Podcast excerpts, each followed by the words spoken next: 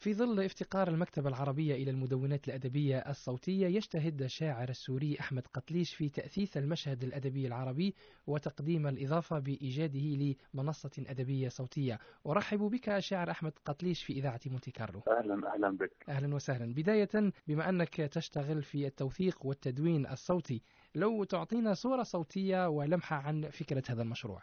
المشروع بدأ منذ عامين ونصف وكان يتركز على تسجيل نصوص لشعراء وكتاب عرب وأجانب آه، من الآداب الحديثة التي لا تتطرق إليها مشاريع صوتية.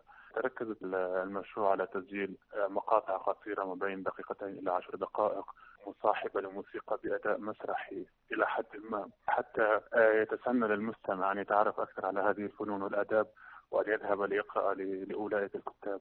واستطاع المشروع أن يحقق انتشار مبدئي ما يقارب المليون استماع وصل استماعات القناة. وأغلب التعليقات والرسائل كانت تتركز حول ما يدفع المستمعين للذهاب إلى إلى أولئك الكتاب والقراءة لهم. سواء العربي أو المترجم. فيما يخص الجانب التقني والموسيقي المرافق للنصوص الأدبية، كيف تشتغل على ذلك فنيا؟ في البداية كنت أسجل في استوديو الراديو الذي كنت أعمل به ثم عندما تركت بدأت أسجل على recorder صغير ثم عملت استوديو صغير آه، في بيتي استوديو احترافي. آه، وكان اعتمادي على موسيقى عالمية من كافة الثقافات الموسيقية العالمية حتى آه، أثري الجانب الموسيقي أيضا لدى المستمع. والمشروع حصل البارحة على المركز الثاني ضمن أفضل أفكار المشاريع حيث المشروع بدأ يصبح منصة أدبية على الإنترنت يجذب كافة الأصوات الشباب التي تستطيع أن تعمل بنفس الفكرة كي نحقق كي تكون أول منصة عربية للأدب الحديث على الإنترنت جميل أحمد فيما يخص اختيارك وانتقائك للنصوص كيف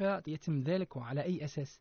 اختيار النصوص كان يتم بداية على أن لا يكون أي تسجيل لأي آه، شاعر أو كاتب مشهور جدا على نطاق واسع. كنا نحاول أن ننتقي لشعراء وكتاب مهمين عرب وأجانب حتى أدب الرسائل آه، ممن هم غير معروفين لدى الشباب لدى فئة الشباب. كنا نرتكز على النصوص التي يمكن تحويلها صوتيا والتي آه، نستطيع من خلال مقطع صغير أن نظهر صورة عن ذلك الكاتب أو ذلك الأديب أو الشاعر. كيف يمكن أن تخدم المتلقي الحديث بهكذا مشروع خاصة أننا نعيش زمن الصورة. صراحة لقد استخدمت منصة SoundCloud كبداية لأنها مثل الراديو لا يمكن الاستغناء عنها في أي وقت. لأن لو لو اتجهت إلى الجرافيك أو إلى اليوتيوب الناس لن تسمع دائما ستكون مجبورة أن تشاهد. لكن الصوت أظن أن كثير من الناس الذين يقولون نحن نسمع نحن في طريق العمل في الجامعة في الجيش البعض في قبل النوم آه، في طريقهم إلى أعمالهم.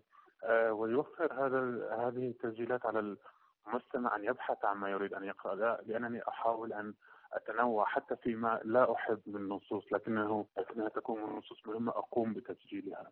كي يكون هناك متسع للمتلقي أن يتعرف أكثر على الآداب العالمية والعربية الحديثة. عالم الإذاعة والأرشيف الذي قدمته الإذاعات العربية ممكن يشكل مرجع بالنسبة إليك؟ أه، طلعت على كافة التجارب الصوتية التي كانت تشتغل بالأدب.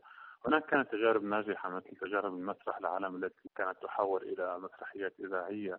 آه لكن ليس هذا ما, ما أريده الآن. ما أريده هو أن أمنح مساحة للشعراء أنفسهم وللكتاب الجدد أنفسهم. الكثير من الشعراء يقولون لي حتى الشعراء المهمين أن أن دواوينهم يسمعها ألف أو ألفين شخص لكن عندما يكون هناك تسجيل قصير ويسمعه عشرة آلاف شخص فهذا إنجاز جيد بالنسبة لهم وتعريف جيد لهم بالنسبة للمتابعين والمتلقين العرب هلا آه، هو مشروع آه، صغير عم نبدأ عم نشتغل عليه؟ اسمه تكلام. تكلام هو كلمة عربية معناتها الكلام الكثير الجيد بالمناسبة.